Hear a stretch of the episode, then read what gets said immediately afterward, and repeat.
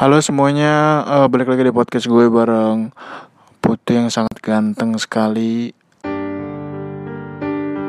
Nama gue Anthony, nama gue Antonius, nama gue Antonius, Antonius, Antonius, Antonius. Nama gue Anthony, nama gue Antonius. Di sebelah gue udah ada salah seorang wanita namanya Prasetyani Dwi Jayanti. Dwi Jayanti apa Dwi Jayati? Oh nggak pakai N ya? Oke, Prasetyani Dwi Jayati. Sekarang beliau ini saya panggil beliau karena dia lebih tua dari saya jauh. Sekarang dia megang customer relation manager-nya Bridge Global ya.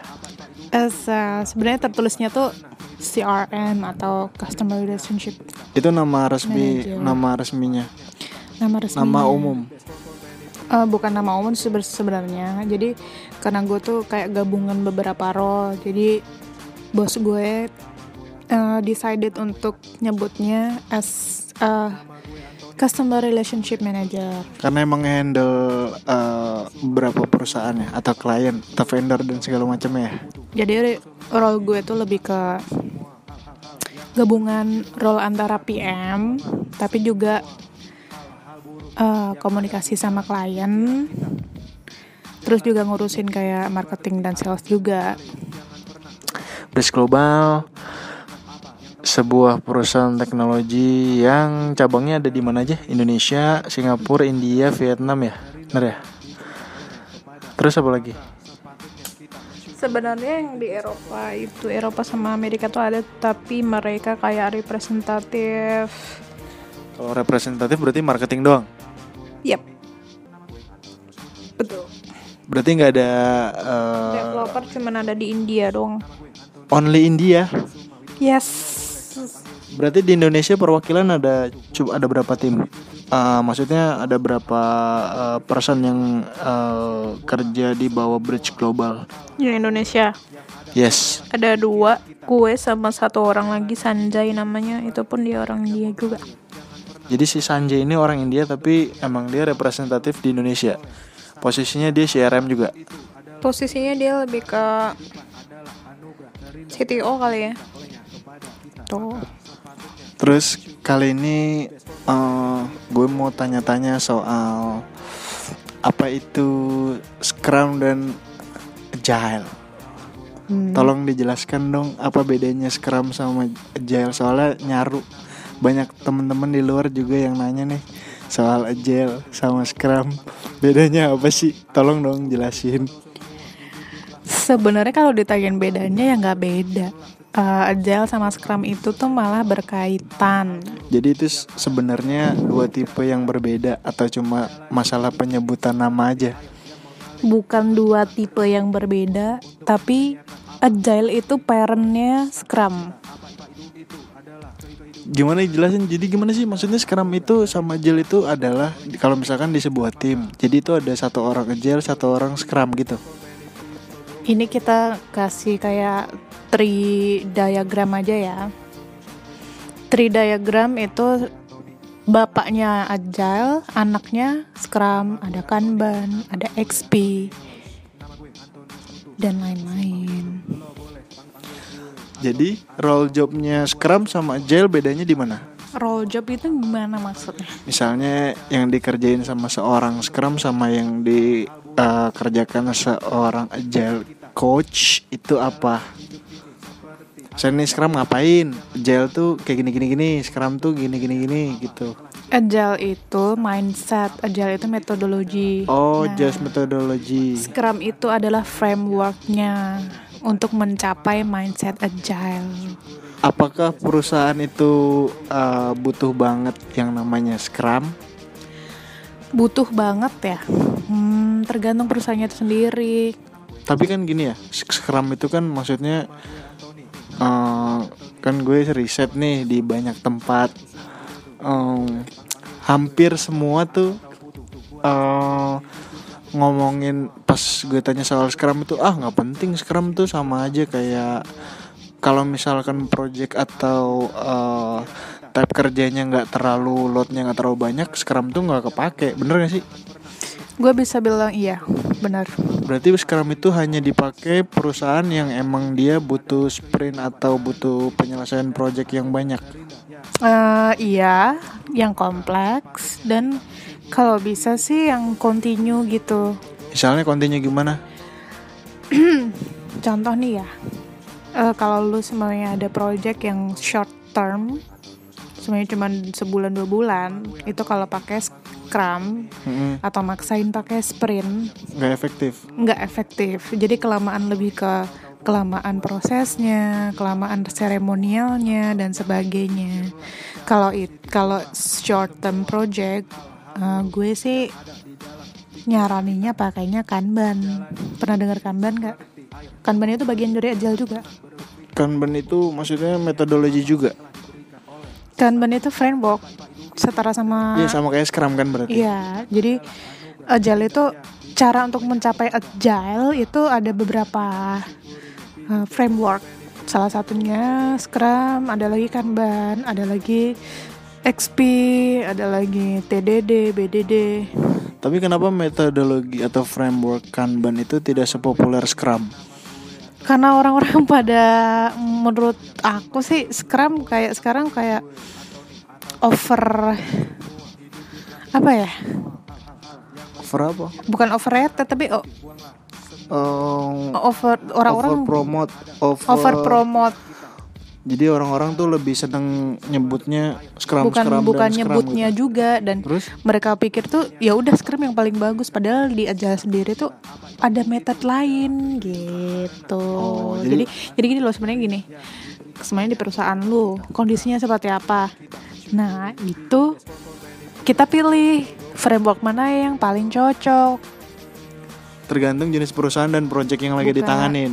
Eh, jenis dan kondisinya kayak gimana dan eh, bisnis flow-nya tuh kayak gimana gitu. Itu tergantung sama jumlah tim juga gak sih? Ya, kalau timnya kecil kayak satu dua, sebenarnya menurut gue tuh waste of time sih pakai Scrum. Jadi Atau mending gak usah sama sekali. bukan gak usah sama sekali, bisa pakai Kanban gitu. Kanban itu kan kayak less seremonial, terus dia lebih continue, dia lebih kayak gimana ya? Eh, fleksibel kayak gitu. Berarti kalau misalkan hmm, perusahaan perusahaan itu benar-benar punya tim yang terbatas disarankan lebih menggunakan Kanban. Tim yang terbatas berapa tuh maksudnya? Misalkan di bawah 10 lah untuk project yang banyak. Oke, di bawah Walaupun timnya dikit. Di bawah 10 Jadi ini ngomongin quantity personal uh, quantity SDM-nya sedikit tapi project load-nya banyak. Eh, jadi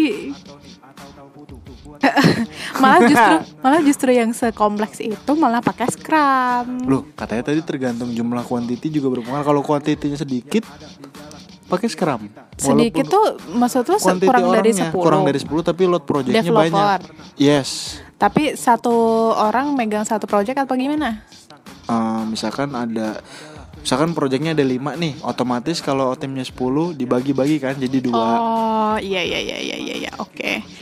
Ya kalau cuma dua-dua doang sih menurut gue sih pakai Kanban ya enaknya ya lebih efektifnya dan melihat juga nanti modulnya tuh segede apa. Kalau cuman modulnya kecil, pakai Scrum itu menurut gue malah lebih eh, complicated jadinya prosesnya sendiri malah makan waktu. Tuh. Emang secomplicated apa sih? Ya kayak gini deh. Hmm. Em, kalau gue bilang kayak gini, tergantung maturity dari si developer Developer ya? itu. Kalau semuanya semakin mature atau semakin dia tuh udah berpengalaman dengan Scrum, eh, lu nggak apa-apa kayak dua orang ngejalanin Scrum dengan shared project. Tapi kalau semuanya developernya masih belajar juga, Fresh grade gitu. ya mungkin nggak nggak fresh grade pun kan ada yang belum pakai Scrum kan di kantor-kantornya. Hmm. Nah itu menurut gue eh, belum kebiasaan dan malah kayak eh, nggak bisa ngejar target kalau semuanya lu ada deadline itu malah mem- mempersulit gitu. Kalau lu ada deadline tuh apalagi sih? Tunggu deh, ini ini seru sih. Maksudnya deadline. Berarti kan kalau jumlah orangnya dikit eh ya harusnya dia udah tahu dong. Maksudnya dia udah tahu lah targetnya. targetnya itu kayak gimana yang dikerjain kayak gimana kan terus fungsional fungsionalitinya Scrum itu di mananya di sisi mana sih Iya, se- jadi sebenarnya kalau di sisi mana? Tunggu, pertanyaan lu kayak gimana? Iya jadi kayak misalkan nih timnya uh, timnya misalkan satu project dipegang sama dua orang ya kan. Terus uh, seberapa apa namanya seberapa besar fungsi Scrum di antara dua orang itu padahal cuma dua nih yang megang project. Dua itu developer semua. Iya developer semua. Oke. Katakanlah satu senior nih, satu satu yang middle lah experience-nya. Hmm. Oke, membantu di mana ya? Ya membantunya tuh di sisi mana? Oke. Eh, membantunya di sisi prosesnya itu sendiri. Kalau Scrum itu kan memang udah te- template ya. Jadi udah kayak ada frameworknya, udah tahu kapan ngapain. Eh, terus collaboration juga lebih enak karena setiap hari kan kita communicate dengan daily Scrum. Eh, bentar, nggak soalnya nggak konsen ya? nggak istilah-istilahnya nggak ngerti nih soalnya. Berarti kalau gini, katakanlah kita ngomongin case yang tadi ya yang dua orang, daily scrum. Nah, apa sih yang dilakuin eh, dalam proses daily scrum? eh yang mana timnya ya cuma berdua, udah gitu loh. Masalahnya cuma yang satu nggak terlalu experience, yang satu benar-benar udah senior gitu. Kan developer itu maksudnya kan development team. Jadi ada beberapa role di dalam Scrum ya. Ada tiga role. Satu Scrum Master, yang kedua Product Owner, atau kalau orang-orang biasanya nyebut kali PM kali ya. Product manager atau project manager. Iya, tapi sebenarnya dia tuh nggak involve ke manage orangnya, dia lebih ke ngasih requirement, Oh, requirement project. spesifikasi tentang software yang mau dipa- dibikin. Dia lebih technical gitu ya. Ya lebih ke bisnis flow dan sebagainya sih yang tahu produknya kayak gimana gitu. Nah, yang ketiga itu development team. Development team tuh terdiri dari developer. Kalau semuanya ada tester masuk ke situ juga. Kalau ada UI eh, designer masuk ke situ juga. Pokoknya semua orang yang akan membuat software itu jadi. Tapi Scrum Master itu emang dia tuh bukan dia tuh ada di luar tim developer dan di luar tim produk kan. Jadi dia penengah kan. Bener gak sih? Hmm, Dia tuh semacam fasilitator dan dia tuh semacam eh, advisor dan juga coachnya gitu. Soalnya ada kan beberapa perusahaan tuh yang biasanya narik orang-orang Scrum atau uh, Agile tuh dia yang backgroundnya emang dia oh ini dia software engineer lead misalnya. Dia tarik dari anak software engineer engineer lead buat jadi Scrum terus dia ngatur orang Scrum produk. Master. eh ya sorry Scrum Master mm, buat ngelola si uh, project tersebut. Emang emang sebenarnya Scrum Scrum Master tuh lebih cocok ditarik dari orang yang backgroundnya developer atau atau apa namanya atau engineer ya Developer atau engineer? maksudnya uh, gini nih kan tadi uh, Scrum Master itu kan dia soal framework ya kan jadi dia sebenarnya harus punya background seorang developer kan Enggak juga sih. kan nggak mungkin masa orang produk atau orang apa namanya orang desainer misalnya mungkin nggak orang desainer jadi seorang Scrum Master Mungkin. tapi kan dia beda flow sama yang developer sering buat sementara ini kan technical lebih lebih Flow yang mencondong di- flow yang dimaksud flow apa? flow pengerjaan project sama sama requirement dan segala macam itu kan lebih ke technical yang condong ke arah eh, developer dong. Ini mau ngomongin Scrum Master atau Scrum Master? Scrum Master, Scrum Master. Scrum Master itu kan lebih ke facilitate tentang prosesnya, proses Scrumnya sendiri itu sendiri. Jadi dia nggak perlu harus tahu atau dia nggak harus seorang coders. No. Yang penting dia cuma tahu project management, flow, gitu.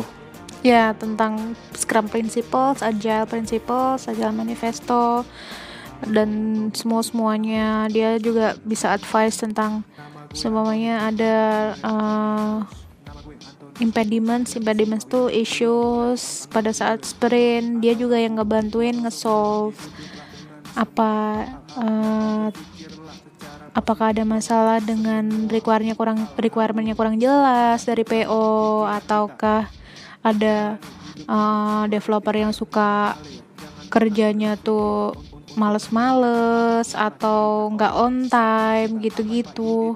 Oh dia berhak uh, ngatur atau nge-switch uh, si tim developer yang kerjanya males kayak gitu-gitu ya? Bebas ya? Iya bebas. Emang itu emang itu apa salah satu tugasnya dia ya? Iya. Berarti itu sama kayak project manager dong sebenarnya scrum scrum master Jadi sebenarnya kayak traditional project manager itu adalah gabungan antara Scrum Master dan PO. Biasanya kayak gitu, cuman Scrum Master itu sendiri tuh biasanya nggak dedicated dalam satu perusahaan itu sebenarnya dia punya lima project, ya kan. Terus developer timnya ada lima juga, lima tim. Nah Scrum Masternya satu atau dua, biasanya gitu. jadi scrum nggak perlu banyak-banyak ya? Scrum Master bukan eh sorry sorry lupa. Jadi scrum master itu nggak boleh banyak-banyak ya? Ya bukannya nggak boleh. kecuali projectnya udah banyak puluhan gitu. Ya ke, bukannya nggak boleh cuman kadang-kadang kan eh, perusahaan kan gimana ya eh mengeluarkan se- sedikit mungkin pengeluaran dan mendapatkan sebanyak mungkin keuntungan kan gitu dipikirnya lebih efektif kalau cuman dua scrum master untuk lima project ya udah nggak apa-apa Buat lo semua Hiduplah dengan semua Hal-hal yang baik berpikirlah secara positif Oke. Tadi balik lagi ya mau nanya yang soal Scrum. Ini dong, kasih tahu dong apa namanya eh, metode apa aja sih yang ada di Scrum? Di scrum apa di agile Itu beda ya? Maksudnya metode yang dipakai. Bukannya kurang lebih sama tadi, cuma bukan kurang lebih sama agile itu parentnya scrum. Yaudah eh, sebelum lebih detail pisahin dulu. Sekarang kita masuk ke Scrum dulu. Metode apa aja sih yang dipakai di Scrum? Nanti baru eh, after Scrum baru masuk ke Agile gue agak bingung metode apa yang dipakai di Scrum karena Scrum sendiri itu framework. Iya maksudnya gini misalkan kalau di Scrum itu ada beberapa kayak misalkan di Scrum eh, step yang dilakukan itu harus paham ini paham itu paham ini paham itu misalnya gitu. Terus kalau di Kanban tadi eh, dia harus paham soal ini soal ini soal ini. Terus nanti kalau misalnya di eh, Agile tuh harus paham soal ini soal ini soal ini. Kayak gitu maksud gue. Nah gini loh, jadi eh agile kan main- mindset, terus Scrum dan Kanban itu framework untuk mencapai mindset itu atau framework yang lu gunain untuk mencapai goal dengan mindset mindset agile kayak gitu loh. Nah, apa yang lu harus punya pada saat lu melakukan Scrum atau Kanban? Ya lu harus me- menjadi agile gitu. Agile itu kan ada manifesto, ada empat. Ada empat manifesto. Dan uh, agile sendiri itu ada apa karakteristiknya yaitu openness terus dia itu fleksibel terus dia itu juga self organize gitu. Jadi selama lu kayak self organize terus juga prosesnya open dan sebagainya. Nah itu prinsip-prinsip yang digunakan untuk menjalankan scrum gitu. Selama lu agile selama lu menghayati uh, mindset agile jadi lu bisa akan bisa menjalankan scrum dan kanban dengan sukses. Sekarang kan banyak banget nih startup startup. Menurut lo startup startup eh, yang kayak gimana sih yang membutuhkan seorang scrum master di perusahaannya tersebut? Ini perspektif perspektif lo pribadi aja ya perusahaan mana yang membutuhkan scrum master? Yes. Oke, ini gue ngomongin karakteristik aja ya. Kalau perusahaan itu punya uh, produk atau uh, software atau ya sebenarnya nggak nggak cuma software sih, kayak satu produk atau project yang dibikin yang dengan uh, tim yang udah self organize, terus apa namanya? eh, dia itu proyeknya kompleks.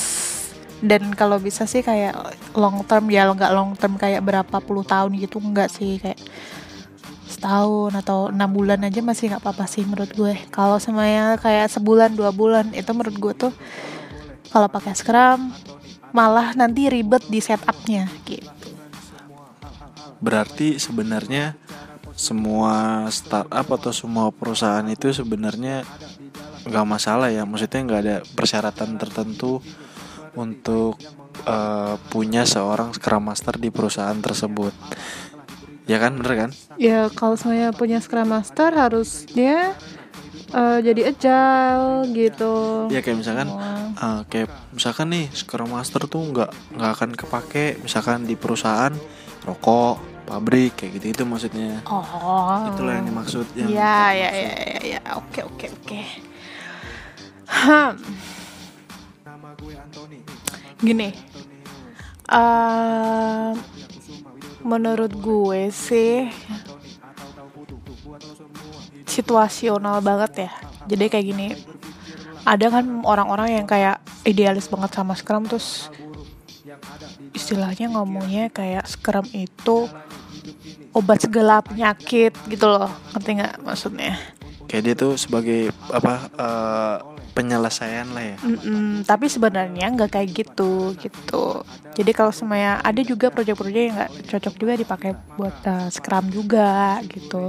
Kayak gue bilang tadi short term project dan sebagainya. Nah kalau semuanya ini tuh gue kasih contoh mudah deh pabrik gitu kan.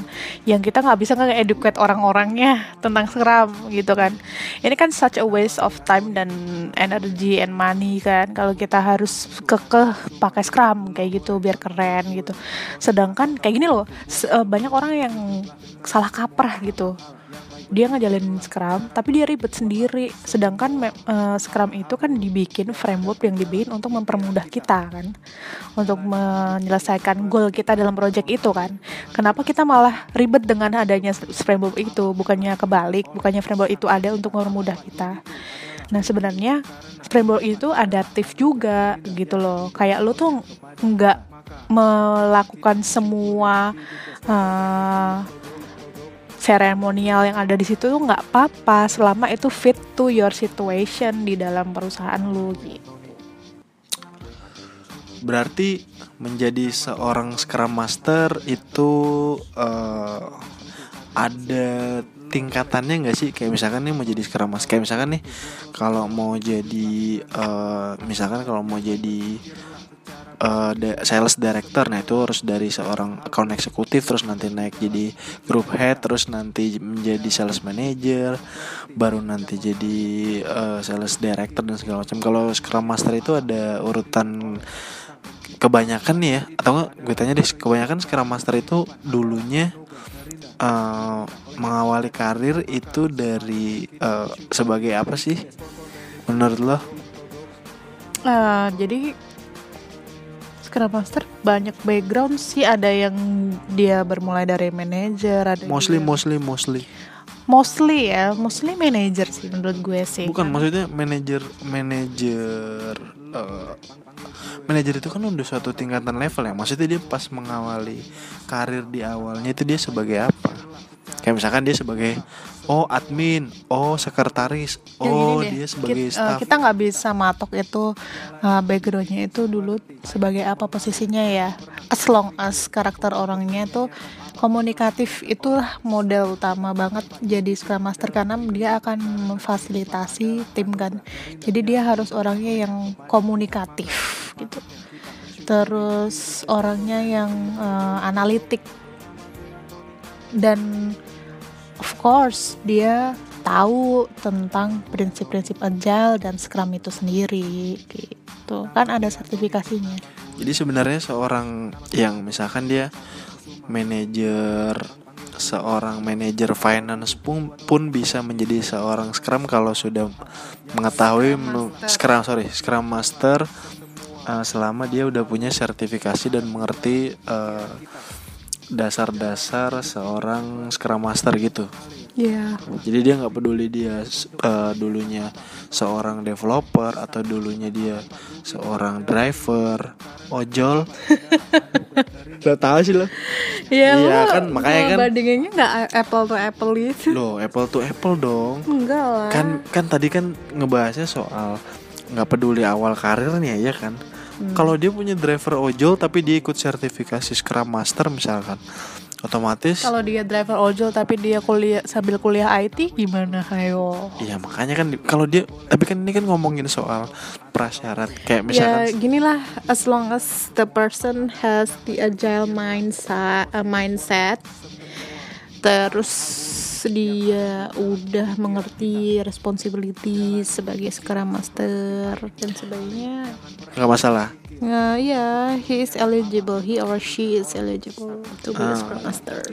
Berarti ada nggak sih sifat-sifat yang harus dibuang jauh-jauh kalau ingin menjadi Scrum Master? Eh ya, eh, kalau lu tuh orangnya yang bukan komunikatif, yang kayak oh, Introvert, gue nggak bilang introvert ya, Oh, jadi ya? kayak eh, dia eh, diem-diem baik. diem-diem baik, ngopi apa? Oh yang suka ngopi? oh bukan.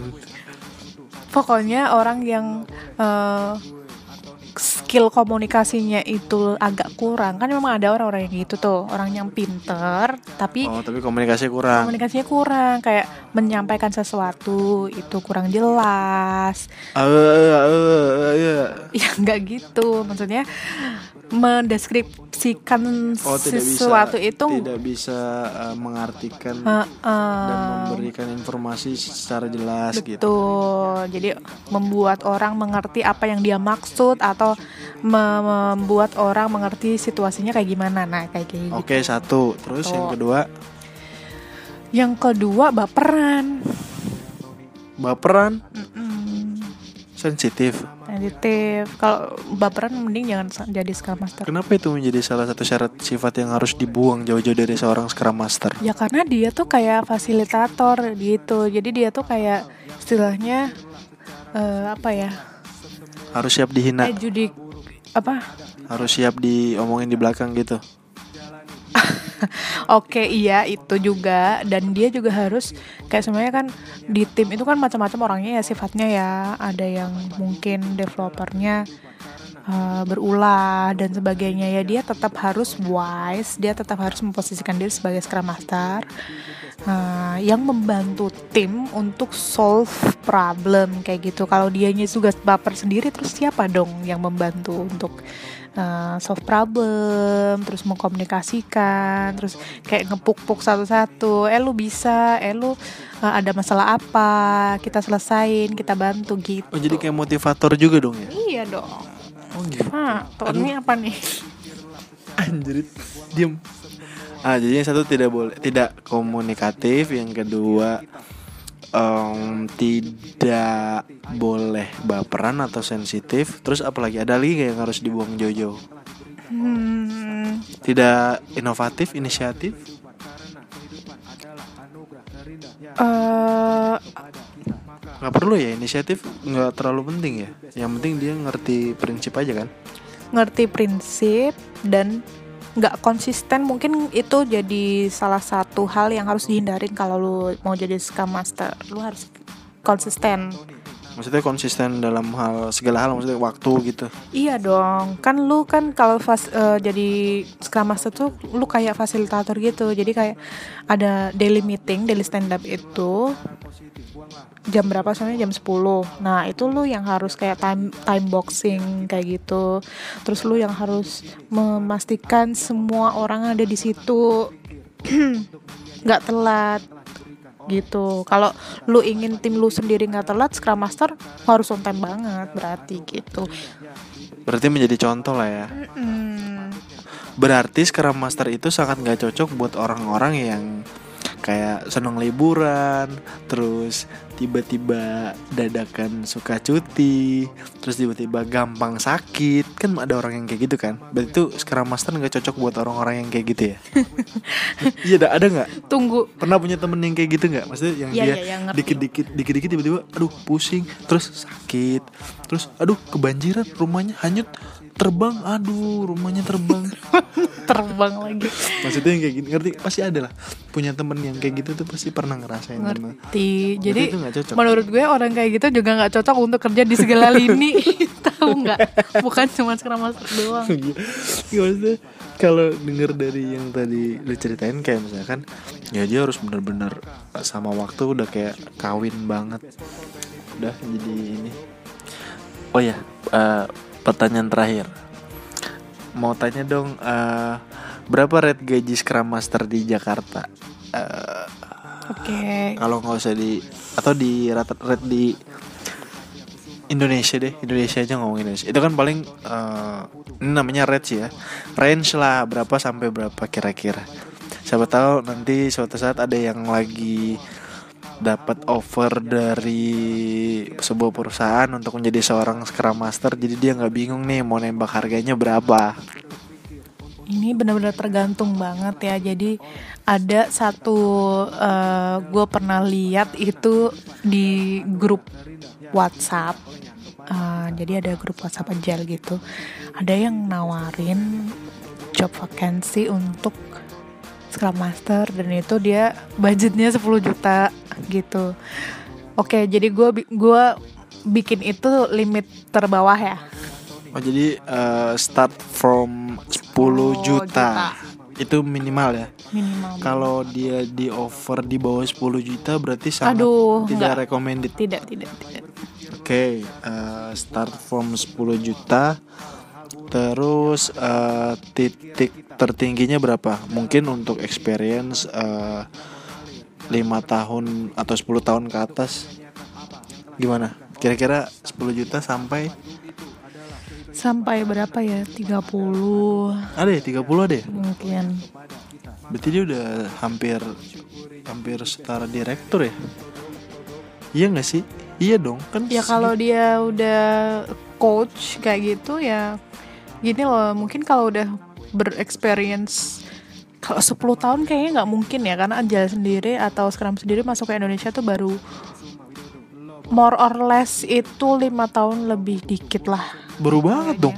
iya kalau lu ngomong 10 tahun itu deh kayak Itu udah wow banget berarti ya? ya iyalah dan gini loh eh, kalau udah 30 gitu mungkin dia levelnya adalah agile coach jadi agile coach itu yang membawahi SMSM kayak kayak gitu. Oh jadi si seorang Scrum Master ini dilatih sama yang namanya Agile Coach tadi, si coach tadi. Mm, dan agile coach itu eh, kebanyakan tuh enggak enggak di satu perusahaan gitu loh. Karena sayang kan satu perusahaan ngebayar satu orang agile coach yang harganya segitu. Sedangkan dia tuh dibutuhin kalau cuman beberapa momen-momen doang gitu Oh jadi lebih baik Agile Coach tuh kayak dia mendingan freelance gitu ya. Betul. Makanya banyak agile-agile coach yang terkenal di dunia kayak gitu.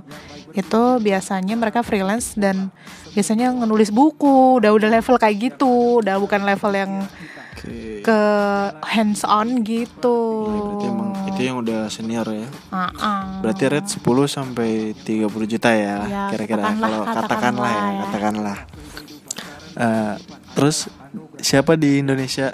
Ini benar-benar terakhir ya pertanyaannya. Siapa di Indonesia Scrum yang paling berpengaruh? Ada nggak orang Indonesia yang emang dia aktif di Scrum atau yang di eh Agile Coach? Kalau gue tahu tuh si ini eh, Jonathan Patogi, tahu nggak? Joshua. Eh Joshua. Udah so tahu salah lagi. Oh Joshua Patogi ya? Iya, itu. Partogi. Ya kalau gue tahu Joshua Partogi kan dia dia tuh dia scrum dia emang scrum ya freelance ya. Dia itu eh, Scrum coach. Iya. Jadi scrum coach itu dia levelnya eh, udah agile coach atau masih Nah, ya gini yang gue tahu sih ya. Jadi dia itu masih specifically ke scrumnya, nggak ke agile gitu. Kalau gue tahu ya. berarti dia emang benar-benar yang salah satu paling berpengaruh ya.